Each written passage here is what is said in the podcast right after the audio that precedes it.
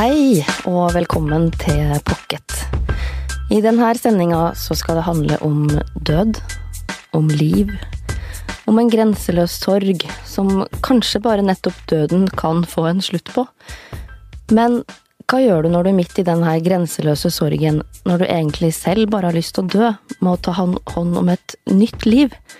En dotter som blev född bara dagar före din kärste och livspartner dör på nästan värst tänkliga vis. Tom Wahlqvist, författare och poet, välkommen i studio. Tack. Detta här skedde dig. Mm. Vad gör man i en sån uh, ut, situation? I det här fallet så var jag tvungen att ta hand om mitt barn, mm. Livia, som då var primatur, för tidigt född. Um, och när jag kom hem från sjukhuset till lägenheten så fanns det ett litet liv som jag var tvungen att ta hand om. Mm. Jag hade inget val. Jag kunde inte ta livet av mig. Jag var tvungen att hjälpa Livia. Och en av de tingen eh, Tom Malmqvist gjorde var att skriva en roman som heter I hvert ögonblick är vi fortsatt i livet. Den boka är nu nominerad till Nordisk råds litteraturpris som delas ut senare i höst. Den har fått svärt goda kritiker, också här i VG där vår anmelder eh, hadde hade en sjelden stor leseropplevelse, samtidigt som han skriver att romanen mørbanker leserens følelser. Og jeg tenkte Før vi skal gå in i detta så måste jag bara spørre deg hvordan det är att resa runt med en sån bok. Ta emot gode kritikker, ta emot priser, fortelle din historia i intervjuer, bokbad. Hur är det med en sån historia? Ja, alltså jag är stolt. Jag är stolt mm. över att när jag går runt och pratar om boken och svarar på frågor som är väldigt tunga naturligtvis. Mm. Så tänker jag hela tiden att jag har klarat mig igenom det här. Inte bara att jag skrivit den här boken, jag är också en bra pappa till min dotter. Och nu har jag varit ifrån henne i två dagar och jag saknar henne jättemycket. Jag kommer vara ifrån henne i sju dagar nu. Ja. Så länge har jag aldrig varit ifrån min dotter. Nej. Och jag tycker bara att jag tänker så, tycker jag, då blir jag stolt över mig själv. Mm. Nej, men jag är stolt. Jag är stolt över mottagandet och stolt att få också påminna om att livet är så skört. Mm. Men är du, blir du av och till rädd för att på något snacka det bort eller snacka för mycket om det eller snacka det tom på något vis? Ja, nej. Det jag kan ibland känna när jag svarar på frågor, när jag upprepar ungefär samma svar, mm. och jag får ungefär likadana, mm. likadana frågor, mm. så kan jag tappa kontakten med min egen smärta, med min egen sorg. Att det blir liksom bara ord som jag säger. Och, och det är ganska otäckt. Och framförallt mm. när man är skrivande människa och är en författare så när orden missar sin betydelse så, så får jag faktiskt ångest. Mm. Eh, alltså en sorts tomhetskänsla. Mm. Eh, Karin blir liksom en litterär figur. Eh, men hon är faktiskt en person som jag har levt med i tio år. Mm. Som inte finns mer. Så det, där, det, det är dubbelt. Låt oss gå tillbaka till våren 2012. Karin, Toms kärste och sambo genom tio år, är höggravid med deras första barn och i åttonde månad får Karin feber och influensaliknande symptom. Och de ringer sjukhuset då hon får problem med pusten. Eh, först får de besked om att bli hemma. Men då pusteproblemen blir värre så reser de till sjukhuset. Och det de tror är influensa och etter hvert kanske tror kan vara lungebetennelse. Det visar sig vara akut leukemi. Och efter det går det väldigt fort. Tom, kan du läsa lite för oss från romanen? Barnmorskan som hjälpte till med syrgasen under transporten hejdar sig i dörren. Hon tar försiktigt tag om min överarm. Du är i sal B på IVA nu. Vill att jag skriver ner det på en lapp? Det behöver du inte, tack, svarar jag. Hon får bra hjälp nu, säger hon. Ja, tack. Okej, okay, då går jag. Okej, okay, tack. Karin har elektroder på bröstkorgen. Det tjuter om övervakningsmonitorn. Vad är det för mediciner ni ger henne nu? frågar jag. Det får du fråga Per-Olof om, svarar intensivvårdssjuksköterskan. Vem är det? Det är jag, ropar överläkaren och tillägger. Din fru får eh, Tosoxin och Tamiflu och smärtlindring och lugnande. Hon får andra saker också. Allt här är infusionsställningar i mediciner. Men vi hinner inte prata med dig nu. Du får en briefing tids nog. Ta det bara lugnt och låt oss hjälpa din fru nu. Och barnet? frågar jag. Men ingen svarar. Barnet blir ju fött Mm. med hastekejsersnitt. Ja. Eh, Du skriver också om det, du skriver om det i boken. var i en sal med 22 personer eller Mm. Eh, Det, dagen efter, det här var alltså det, jag läste ut, det var den 19 mars 2012. Och den 20 mars 2012 så förlöses Livia med kejsarsnitt. Mm. På Karolinska Universitetssjukhuset i Stockholm. Och jag, egentligen fick jag som anhörig inte vara med Nej. i operationssalen. Eh, Men jag tjatade mig till att få vara med. Jag tänkte det här är så viktigt. Mm. Jag kände någonstans att Karin kanske dör. Eh, och då vill jag finnas där för Livia. Jag vill kunna berätta för Livia att jag var där. Jag tog emot dig. Och om Karin skulle vakna upp från sin koma så vill jag också kunna berätta för henne vad som hände. Mm. Det första skriket och, och, och det där. Ehm, men det var också en oerhörd intensitet i den stationen. Det kanske, för mig så var det nog det starkaste ögonblicket. Alltså starkare än när Karin dog. Mm. Det var när Livia kom till. Alltså du har en döende modern och det här barnet och det här livsskriket som, Mm. som ger ifrån sig när hon kommer ut. Eh, I den stunden där jag fick klippa navelsträngen på Livia Mm. så kände jag en oerhörd glädje och stolthet. Att jag ändå kunde känna det i den här stationen. Det visar på hur livet och att bli förälder, hur stort det är. Ja. Og i noen dager så løper du da mellom liv og død på sykehuset. Mellom den for tidlig fødte Livia på nyfødsavdelingen og Karin som er døende på en avdeling på andre siden av sykehuset. Karin våkna aldri opp igjen. Nej. Nei. Hun, Ja, det var, det, det, Karin låg då på det som heter thoraxkliniken. Man har hjärta och lungor. Eh, expertfolk som finns där då. Och ungefär en kilometer eh, kulvert. Alltså, kulvert, källa- altså i källa- undergrunnen källa- av ja, eh, precis. Mm. Mellan, mellan då där Karin låg och där Livia låg på neonatalen. Och det var sådana kontraster. För att där Karin låg var det så intensivt och kämpade för att rädda hennes liv. Att vara där, vara där det var lite grann som att befinna sig i helvetet. Och där Livia låg på neonatalen, där var det små fågelungar som låg och snuttade på nappar. Och alla barnmorskor var så lugna. Så det var verkligen det var som paradiset på något sätt. Och däremellan gick jag med de här snuttifiltarna. Eh, ja, på norska vet jag inte vad snuttifilt Jo, det er de tepp, noen tepper. Altså, Ja. du, du byttet tepper fra, for at de skulle kjenne hverandres lukt, Just sant? det. Ja.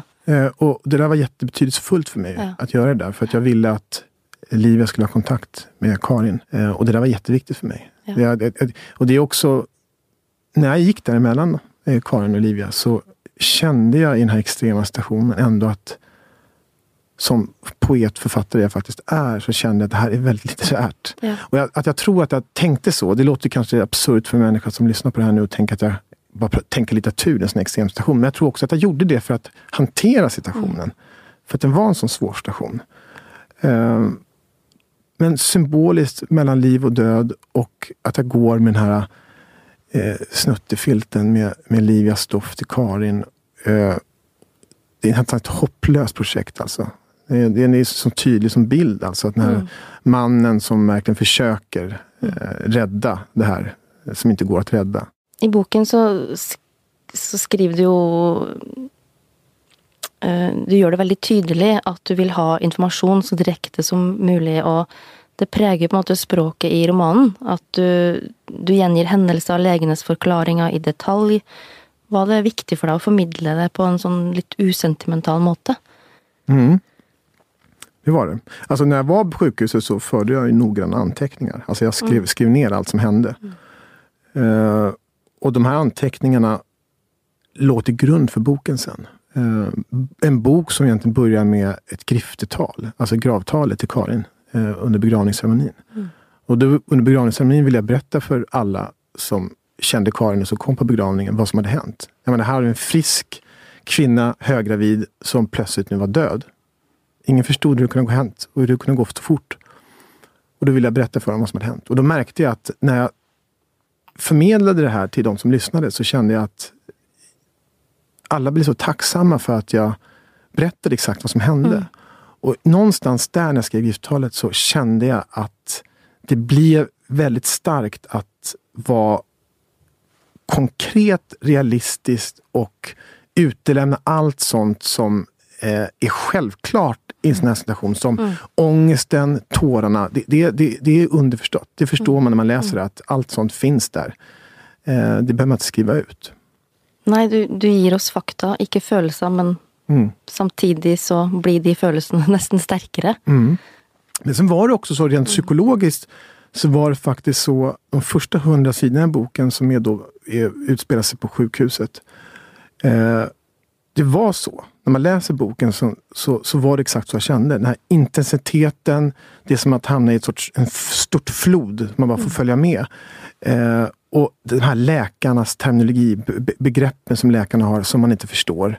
Eh, att man blir också främmande. Eh, man, man vet inte egentligen vad som händer. Um, och att i den här panikstationen så blir ju ens sinnen så skarpa. Det är liksom rent fysiskt så går man in i en sorts försvarsställning. Va? Och där, där sinnena, man ser skarpare, man känner lukter starkare. Um, och därför var det väldigt viktigt för mig att, att förmedla just de här sinnena och, och det konkreta. Eh, det man kan ta på och känna med våra sinnen. Lukta och se. Boken är uppdelad i fem delar. Eh, Just därför. Fem, är ett för varje sinne. Och apropå den här scenen jag pratade om tidigare med de här snuttefilterna som jag gick er på. det sinne? Da mener du altså sanser på, Mm, på norsk? Ja, sant? precis. Ehm, og så dør jo Karin. Mm. For oss lesere på noen og 80. Mm. Ehm, og så har jeg hørt deg snakke om dette i svensk P1, der du sa at der og da døde også den Tom Malmquist som du var før. Mm. At det på måte Den du var før den dagen, Mm. døde også. Jag dog, jag, jag, ja, jag, jag har sagt det. Att jag, det, det jag, jag dog med Karin. Mm. En- Det høres Det jo er 27. mars. dramatisk ut, men kan du forklare Ja, men det, det har att göra med att, um, att gå igenom en sån, eh, i, i en sån händelse. Alltså ha den erfarenheten förändra en. Alla som har varit med om någonting sånt här st- stor sak eh, känner att det finns ett före och ett efter. Mm. Och den Tom Malmqvist som levde tillsammans med Karin, en annan Tom Malmqvist som finns idag. Den här Tom Malmqvist som du pratar med Mm. Har blivit pappa, förlorat sin, sin, sin Karin och sen förlorade också min pappa inte långt efter som också st- står med i boken. Eh, och det har ju klart förändrat mig. Och att jag har pratat om boken eh, offentligt. Det har också förändrat mig. Det, jag tror inte att Karin skulle ha känt igen mig idag om man pratar med henne. Eh, jag tror inte det. Det blir på måte en sånn nullpunkt altså i den Ja, sykehussalen ja. eller? Det är nollpunkt, eh, om jag inte missförstod det nu, på det sättet att, att man börjar om. Ja. Mm. Men jeg har skjønt én ting eh, som du har tatt med deg, at det er den hockeycapsen. Ja, just det. Som er blitt Eller det har vært et varemerke siden du var hockey... Ja, Unikt hockeytalent, har jeg skjønt. ja. Jo, jag var duktig på hockey. Eh, det var jag. Topp Sverige var jag väl när jag var barn och så. Men, men eh, för mig så är det också, vet, som, som hockeykille, som, alltså, typisk hockeykille som man pratar om i Sverige. Det är, är ju en klassisk, eh, om man nu får generalisera lite, den korkade eh, machomannen som är snabb till att slå till och inte prata känslor och så. Eh, och jag var väl lite så, kan jag väl säga. Eh, och struntade i skolan. Eh, men nu är jag ju liksom en person som pratar om känslor i allra högsta grad. Eh, så att kepsen blir en symbol för min resa, tror jag. Då, för Ja, mig. ja. Att det, det är också en sorts, jag menar, apropå snuttefilt, här, det kanske är min snuttefilt. Någonting Ja, som ja. jag håller kvar. Det er din Ja. lukt fra fortiden? Ja, eller kanske. Ja, något att jag känner ändå att jag... Jag känner ändå att jag... Eh, jag känner barnet i mig med min keps. Mm. På något sätt. Vi skal jo ikke dvele veldig med det, men jeg, jeg ble jo veldig nysgjerrig da jeg leste om det, og hvorfor du slutta da, som 16-åring. og var så god. Du drømte jo om å bli proff, men så la du opp som 16-åring. Var det bare Ja, ja, alltså det finns ju... Alltså jag tror att jag skrev en diktsamling som blev uppmärksammad i Sverige som heter Sudden Death. Alltså termen Sudden Death. Det första målet vinner i hockey då. Och, och den handlar om min tid som hockeyspelare. Eh, och jag, jag tror att jag slutade för att den prestationsångest som uppstod i mig att vara en toppspelare i Sverige. Att rädslan för att inte hålla, att inte uh, räcka till. Mm. Min pappa som då en legendarisk sportchef på Expressen, hockeyexpert. Som spådde Thomas, Mal Thomas Malmqvist på ja, Expressen. Kallt Malmen. Kallas Malmen, ja. Och han spådde en lysande framtid för mig som hockeyspelare. Så det var lite, ursäkta mitt språk, men det var lite fuck you till min pappa också att jag mm, slutade. Mm, alltså. Att jag ville liksom på något sätt markera någonting. Att, mm. eh, eh, men också en, en oerhörd rädsla att, inte, att jag inte orkade fortsätta. Mm. En rädsla att inte platsa och inte räcka till. Mm. Men också att jag fick andra intressen. Tjejer till exempel. Mm. Och de tjejer jag var intresserad av, det var ingen som gick och kollade på hockey, utan de tjejer jag var intresserad av läste eh, poesi. Så därför började du skriva poesi? Ja, ja, faktiskt. Jag började skriva poesi för att jag ville ha, ha tjejer som, ja. var, som var smarta. Ja. Men du fick ju mycket uppmärksamhet för den diktsamling som hette ja. Sudden Death. Det var ju den första, som jag har förstått, uh, diktsamling i Sverige som handlade om sport. Mm. Mm. Som enbart har handlat om mm. en sport. Mm. Ja. Det var också en annan, Tom Malmqvist, som förlot sjukhuset med lille Livia mm. i en bilstol för fyra år sedan. Vad var det som gick genom huvudet ditt då på den turen hem till lägenheten som du och Karin hade förlatt någon vecka tidigare? Eh, jag har inte med det i boken, Nej. men i verkligheten, verklighetens Tom Malmqvist var väldigt rädd att komma tillbaka till lägenheten. Jag ville inte tillbaka till lägenheten. Jag ville vara kvar på sjukhuset. Mm. Alltså jag hade blivit, som man säger, hospitaliserad. Mm. Jag, jag, var rädd för att lämna sjukhuset. Tryggheten i sjukhuset. På neonatalen, familjerum ett, där jag var med Livia. Mm. Att komma hem till lägenheten påminner mig om det liv jag hade haft med Karin. Att då komma hem ensam, lämna Karin på sjukhuset, mm. på bårhuset, komma hem med, med, med, Livia då. Det blev så oerhört symboliskt för mig. Alltså. Um, så jag var panikslagen. Och så läste eller jag hörde också det samma programmet i, i då, Svensk P1 som heter vel Sommar. Eh, så forteller du om akkurat da du kom hjem. Da du finner disse to nøkkelknippene. Mm. Det ene er ditt nøkkelknippe, mm. og det andre er Karins nøkkelknippe. Mm. Uh, og da du skal låse opp døren, så velger du jo å åpne med dine nøkler. Mm. Det forstår jeg, det har du angra deg på siden? Mm. Ja, det, var, det var som att jag hade svikit Karin. Att inte hon fick eh, öppna dörren till sin dotter. Mm.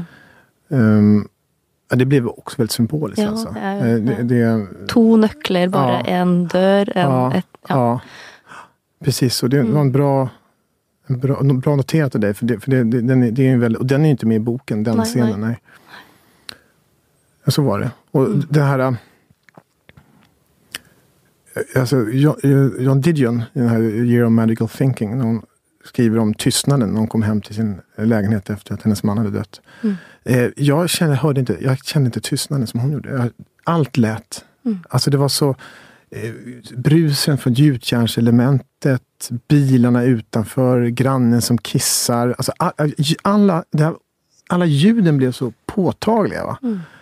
Så, och, och, just därför så kände jag mig så oerhört um, ja, samma känsla som att vakna mitt i natten och vara ensam och bara ligga och lyssna på saker. Alltså det, var, det var väldigt ensamt. Mm.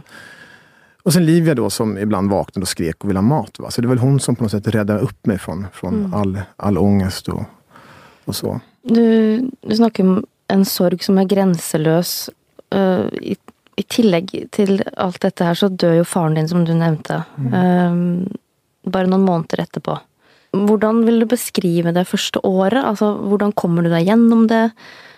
Du har jo sagt noe om at Livia på en måte kjentes som en straff i begynnelsen. Altså, mm. Kan du på en måte ta oss litt tilbake til den der første, første ja, perioden? Ja, visst. Um, alltså det här med Livia som straff, det, det, det, har att göra med att jag inte ville leva utan Karin. Mm. Ett, ett liv utan Karin är, är, inget liv för mig, var inget liv för mig. Men, och då tyckte jag att livet var ett straff. Alltså då var hon ju en främling i mitt liv. Alltså, jag tror att en hel del föräldrar kan känna igen sig i att plötsligt är det bara en, en bebis där. Framförallt män som inte, som inte bär barnet i magen. Plötsligt bara är det ett barn där. som man inte känner. Mm. Med behov och, och sådär. Det, det, det var en främling och ändå hade kände jag att jag måste ta hand om henne. Alltså skammen av att inte orka det, den, den var större än min dödslängtan. Mm. Så jag tog hand om Livia.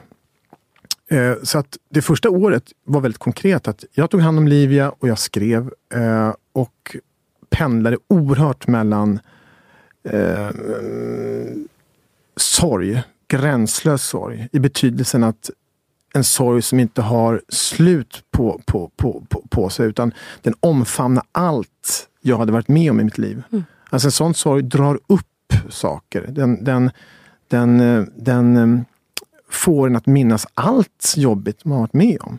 Så det var inte bara det att jag låg i min lägenhet och tog hand om Livia och eh, saknade Karin, utan det var också så att all ångest jag någonsin haft trängde sig på. Mm.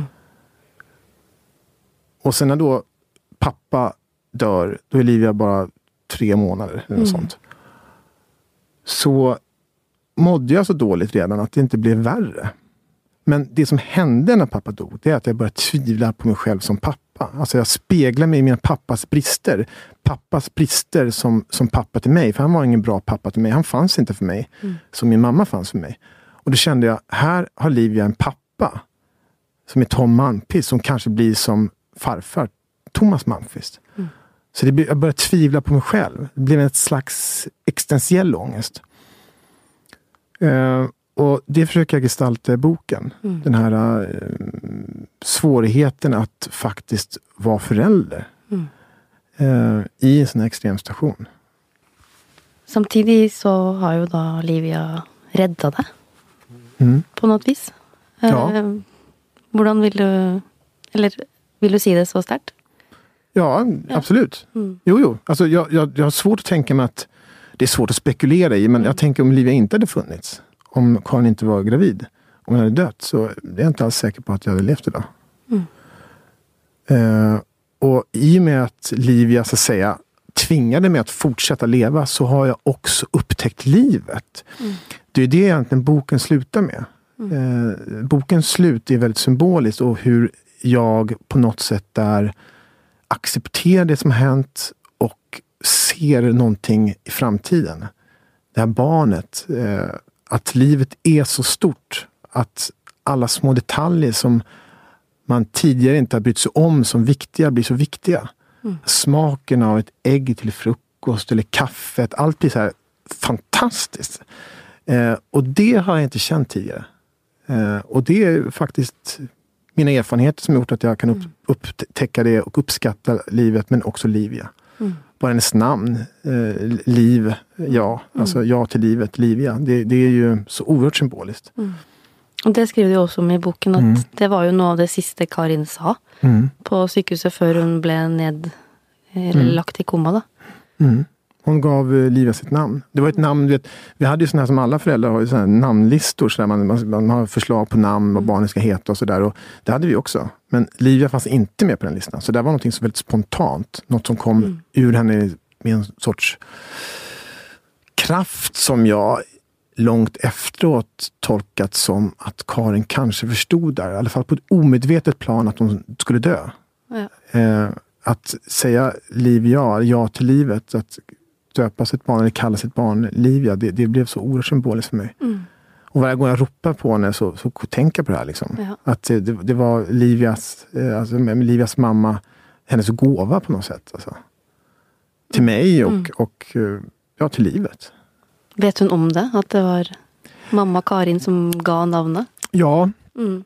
Eh, det vet hon om, men jag vet inte på vilket sätt hon vet om det. Nej. Så att hon är fyra år. Alltså det, det, jag vet inte till vilken grad hon har förstått det här. Jag tror att det kommer dröja en år till innan hon kommer komma med de svåra frågorna. Mm. Mm.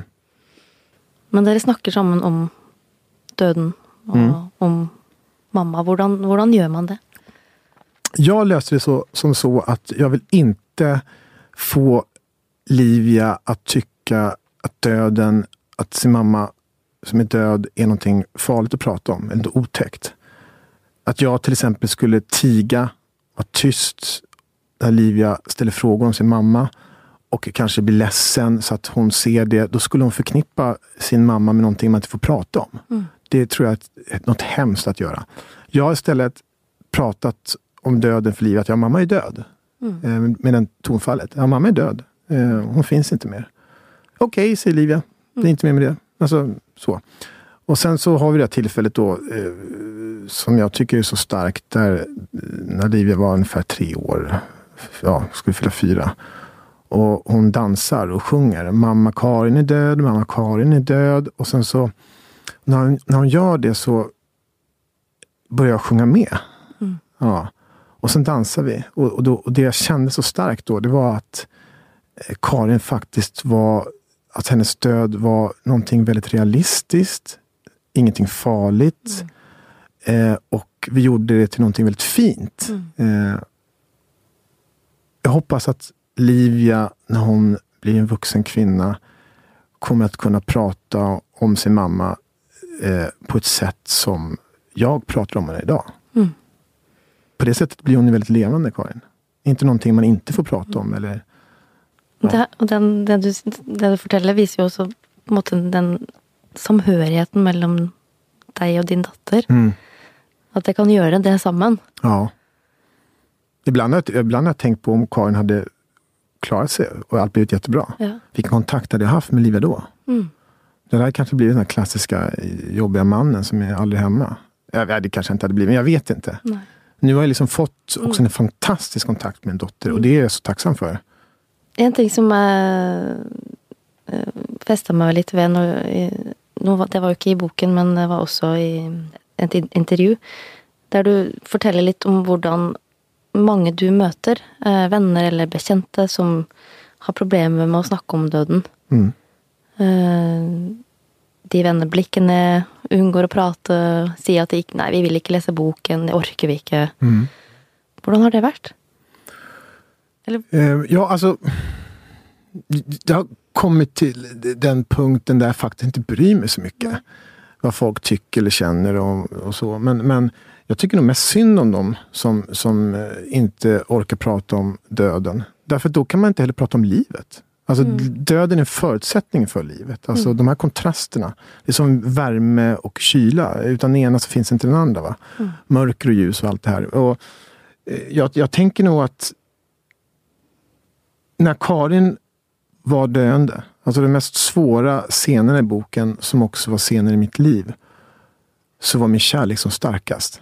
Mm. Och det tycker jag är väldigt fint att komma ihåg. Att, att det, det, kärleken är som starkast när man hamnar i en sån här krisstation. Mm. För mig var det så i alla fall. Så är man rädd för att, eh, för att läsa om, om, om, döden, då missar man också livet och kärleken. Mm. I alla fall i den här boken. Ja, det handlar väl om att man må, måste möta döden för att verkligen kunna leva. Eller mm. ett eller annat. Mm. Så är det. Men eh, Hvordan kunne du ønske at folk prata med deg? Altså de som syns det er vanskelig. Det er sikkert mange som har opplevd å liksom skulle møte noen nära mm. som har mista någon som kanske inte vet helt vad behöver vi si, mm. vad ska vi göra? Ja. Det är så ja, vanskligt. Ja, det, det, jag känner, de personer som, alltså att, att, att, man kan göra någonting. Mm. Alltså, många hör inte av sig, är rädda för att störa. Mm. Eh, och tänker, jag vet inte vad jag ska säga, så är man tyst och Eh, någon har, till ja, har sagt att eh, förlåt, jag har inte hört av mig. Jag har tänkt att det, det, det, var så mycket för dig och jag tänkte att vill du prata så hör du av dig. Nej, man hör inte av sig. Man orkar inte det. Det är bättre att den personen som lider av, av gränslös sorg får säga nej mm. än att den inte får säga nej alls. Mm. Eh, och bekräfta personens sorg tror jag är jätteviktigt. Mm. Att inte bara prata om sin egen sorg. Många gör ju det. Att man berättar, jag har haft erfarenheter, jag, min pappa har dött, min mm. hund har dött. Eller mm. liksom, man tar upp sina egna sorger. Mm. Man tror och, kanske det vill trösta. Ja, jag tror, men, men det, det, det, det, gör inte riktigt det. Nej. Det kanske gör det för någon. Mm. Men jag, jag, jag, tror att eh, man känner sig avlägsen då från den här eh, vännen eller personen. Mm. Eh, de som har varit bäst för mig, det är de som har bekräftat min sorg. Det vill säga Tom, mm. fy fan hur, det, här, hur, det här måste vara så jävla jobbigt. Mm. Ja, säger jag då. Det räcker. Mm. Liksom, säga så, bekräfta en persons lidande. Liksom. Mm. Du började ju att skriva på boken ganska tidigt. Alltså, som jag förstått det så var det då du skulle skriva tale till begravelsen. Hur var det att skriva boken? Alltså, det tog det tre år, eller? To? Uh, ja, Um, ja, två och ett halvt år ungefär. Um, alltså, det, det, det jag tycker är intressant med mitt svar nu, mm. det, det, det är att det fanns en lust. Det fanns en glädje i att skriva, trots att det var en så jobbig situation. Så fanns det en skrivglädje. Uh, och jag tror den glädjen handlar om att jag genom att skriva om det fick någonting fullständigt meningslöst. I det att en ung kvinna dör ifrån sitt barn som är fullständigt meningslöst. Genom att skriva om det så gjorde jag det till någonting meningsfullt. Mm. Genom att skriva om det och kunna få dig att läsa om det och bli drabbad så har jag gjort någonting meningsfullt med det. Eh, jag kände att det här var betydelsefullt. Mm. Um, och sen kände jag också att ju bättre jag skrev, ju bättre jag kunde skriva fram Karin i boken så kom hon till liv. Mm. Jag hade svårt att lämna ifrån mig boken till eh, bokförlaget sen. Därför att det var som att Karin dog på nytt när jag blev klar med boken. Mm. När jag satte punkt. För så länge jag skrev så höll jag henne vid liv. Mm. På något sätt. Är det något med titeln på boken också? Titeln på boken eh, på svenska är ju Varje ögonblick är vi fortfarande vid liv. Och det, det är ju det, det omfamnar vi alla personerna i boken och alla människor. För det är ju faktiskt så det är. Ja. Varje ögonblick är vi fortfarande vid liv. Och fortfarande är ju som ord fortfarande eh, är ju som bräckligt. Till skillnad från ett ord som evigt och så. Att fortfarande är det är någonting som inte nödvändigtvis har giltighet imorgon. Mm. Mm. Och så är det ju för alla människor. Fortfarande ett väldigt ja. positivt ord. Ja. Jag menar, vi, ja, I en relation så är man ju fortfarande förälskad, den man lever med. Förhoppningsvis. Eh, jag kommer ihåg att jag och Karin skrev små lappar till varandra. Då skrev vi älskar dig för evigt. Och det, det har jag tänkt på. Det, det, I kärleken tycks vi glömma döden. Va? Eh, mm. Och att man kan inte älska varandra för evigt. Utan man kan i bästa fall älska varandra fortfarande. Du har sagt att du kan bli sur om folk frågar dig om att skriva den här boken var terapi för dig. Mm. För det är ju kanske något som är väldigt naturligt att fråga om. En som är det att skriva detta. Ja. Skriva sig ut av en sorg eller skriva sig ja. bort. Ja, det, ja, därför att de som har sagt att, att, att det måste vara terapeutiskt för mig, mm. terapi för mig, jag, jag har känt att det är lite nedvärderande. Det, det är ungefär som det här skrivandet skulle vara liksom att pysa ut lite, att, att um, få skriva av sig lite. Och, och mm. uh, för mig var det här att gå in i sorgen ännu mer. Det var oerhört jobbigt att skriva den här boken. Um, och jag menar, Det finns ju en scen i boken där jag vill kyssa Karin Adjö i kyrkan en sista gång. För jag mm. hann inte kyssa henne när hon dog. Jag, blev så, jag bara liksom glömde bort att ge henne en kyss när hon hade dött. Eh, så då ville jag göra det i kyrkan. Men det fick jag inte, för hon hade ruttnat. Det hade gått så fort. Hon hade hunnit ruttna, så det fanns inga läppar kvar att kyssa. Och att skriva den scenen i detalj, eh, varför, vad obduktionsteckningen på Karolinska Universitetssjukhuset eh, beskriver Karins kropp för att jag verkligen skulle fatta att det går inte. Det var så oerhört smärtsamt att skriva det. Mm. Och det, det, är ju, på ett sätt kan man säga att det är terapi. Man går i terapi, man utsätter sig för sina trauman. Men i krishantering så tvingar man ju inte eh, en, en, en, en, patient att sitta och prata om det mest smärtsamma. Utan då, då, vill man kanske bara få prata om det man vill prata om. Kanske minnena eller eh, när man levde tillsammans eller något sånt där. Va? Mm. Men det här var att utsätta sig för, för det mest smärtsamma. Gång på gång på gång på gång på gång. Mm. Eh, så det var inte terapeutiskt. Det var att, det var att jag plåga sig själv faktiskt. Mm. För dig är kanske boken också skrivet för din dotter? Mm. Eh, med, till ett, en gång senare, eller? Ja. Har du eh, tänkt på det på den måten? under tiden jag skrev så, så fick jag liksom så en så här katastroftankar. Vad händer om jag dör nu då? Eh, vad händer om jag plötsligt får cancer och dör? Då är Livia ensam. Eh, och då blev den här boken liksom ett sätt att ifall att jag inte finns mer, ifall jag dör, så har jag i alla fall kunnat berätta för Livia vad som hände när eh, Livias mamma dog och hur vi träffades. Eh, en gåva till Livia med andra ord. Um, I din egen sorg eller i tiden etterpå så, så var det jo naturlig også å søke annen skjønnlitteratur. Um, og da oppdaga du at det var veldig mange bøker som på en måte ikke hadde tyngde nok til å ta deg imot. mm. Uh, at du har en erfaring som ikke mange har, og at den erfaringa faktisk er ve- veldig verdifull. Mm. Alltså, de, de böcker jag läste som jag tyckte var, var, var, var bra. Eh, och det, här, det, här var inte, det här var inte någon sorts eh, litteraturkritiker eh, som, som, som på något sätt sa nej till en viss bok. Utan det var, jag hade behov av att läsa böcker av personer som verkligen visste vad de pratade om. Eh, ett exempel eh, är eh, Mannen utan öde, vet du på svenska, Fateless på engelska, Imre Carters, Nobelpristagarens bok. Som jag eh, läste och kände att hans ojämförliga erfarenheter i koncentrationslägren, eh, om han kan skriva om dem, då kan jag också skriva. Och då är mina erfarenheter värdefulla. Att jag kan göra någonting meningsfullt av det här. Eh, på det sättet var det. Att jag, och det var jag tvungen att avfärda väldigt många böcker som jag tyckte saknade det där. Eh, och de vill jag inte gå in på vilka det var, för det tycker jag är taskigt. Men selv har du sikkert fått veldig mange eh, tilbakemeldinger fra folk som kanskje trenger en sånn bok som du har skrevet. Ja, jag kan säga att det, jag får jättemycket uh, brev uh, från äldre personer som inte riktigt vet hur internet funkar. Det blir handskrivna eh, brev, jättefint. Eh, och jag får också mejl och så. Eh, och det är många personer som har liknande erfarenheter som vill träffas, ta en fika och prata ut.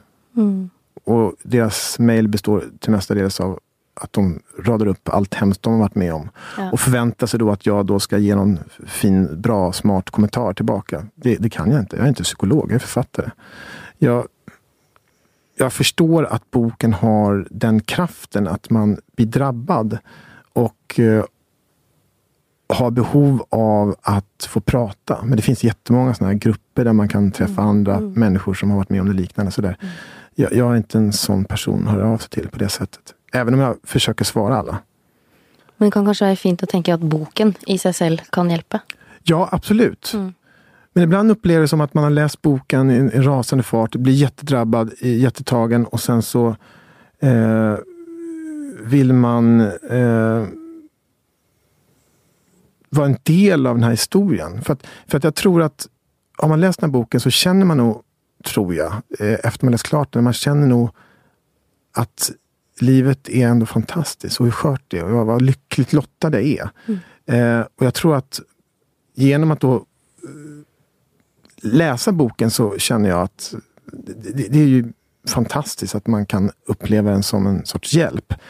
Men en hel del, det var min poäng här nu, en hel del som hör av sig också har inte läst boken utan bara läst en recension av den. Och märker att ah, det är en kille som varit med om något väldigt jobbigt och verkar pr- säga smarta saker om det.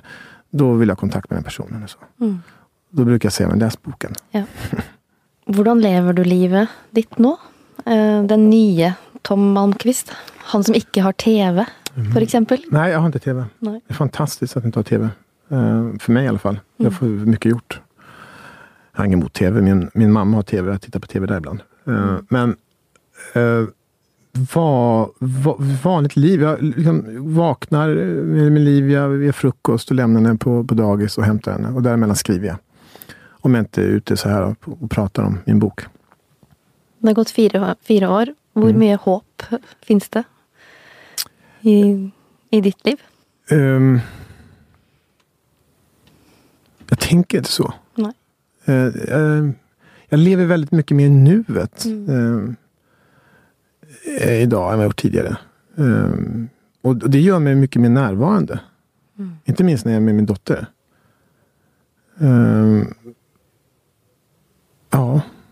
Det är svårt för mig att prata om mitt privatliv i nuet. Alltså, det, alltså i, i, idag. Därför att det blir, ibland kan jag tycka jag blir lite äcklad mig själv ju mer jag pratar om mitt liv idag. Därför då känner jag att mitt, all, hela mitt liv blir liksom fiktion, en, allmän, en allmän gods. Så, jag, så jag är lite, lite försiktig med att prata för mycket om vad jag, hur jag lever idag. Så.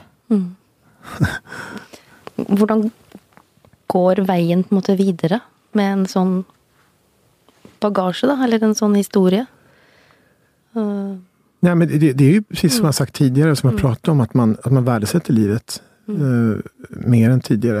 Eh, att vara medveten om det ändliga livet, vara medveten om sin egen död, det, det gör mig oerhört mycket mer tacksam. Och då menar jag inte att jag går runt och tackar livet hela tiden, men, men jag kan njuta av det lite mer än tidigare. Eh, ett exempel är bara att ta en dusch i svalt vatten. Det är alltså bara det, alltså herregud. Det, det, det är väldigt mycket liv för mig att duscha. ja men alltså det är det. det och, eh, och till exempel bada med Livia. Alltså så här, och det, det, det, är fantastiskt. Eh, men det är klart, alltså att i de finaste stunderna med Livia så blir jag också påmind om att det här är någonting som Karin inte får ta del av. Hon missar allt det här. Eh, och det är kanske också det som gör att jag värdesätter det så högt. Att jag ändå får vara med om det. Mm. Mm. Vill du läsa lite från slutet av mm. boken?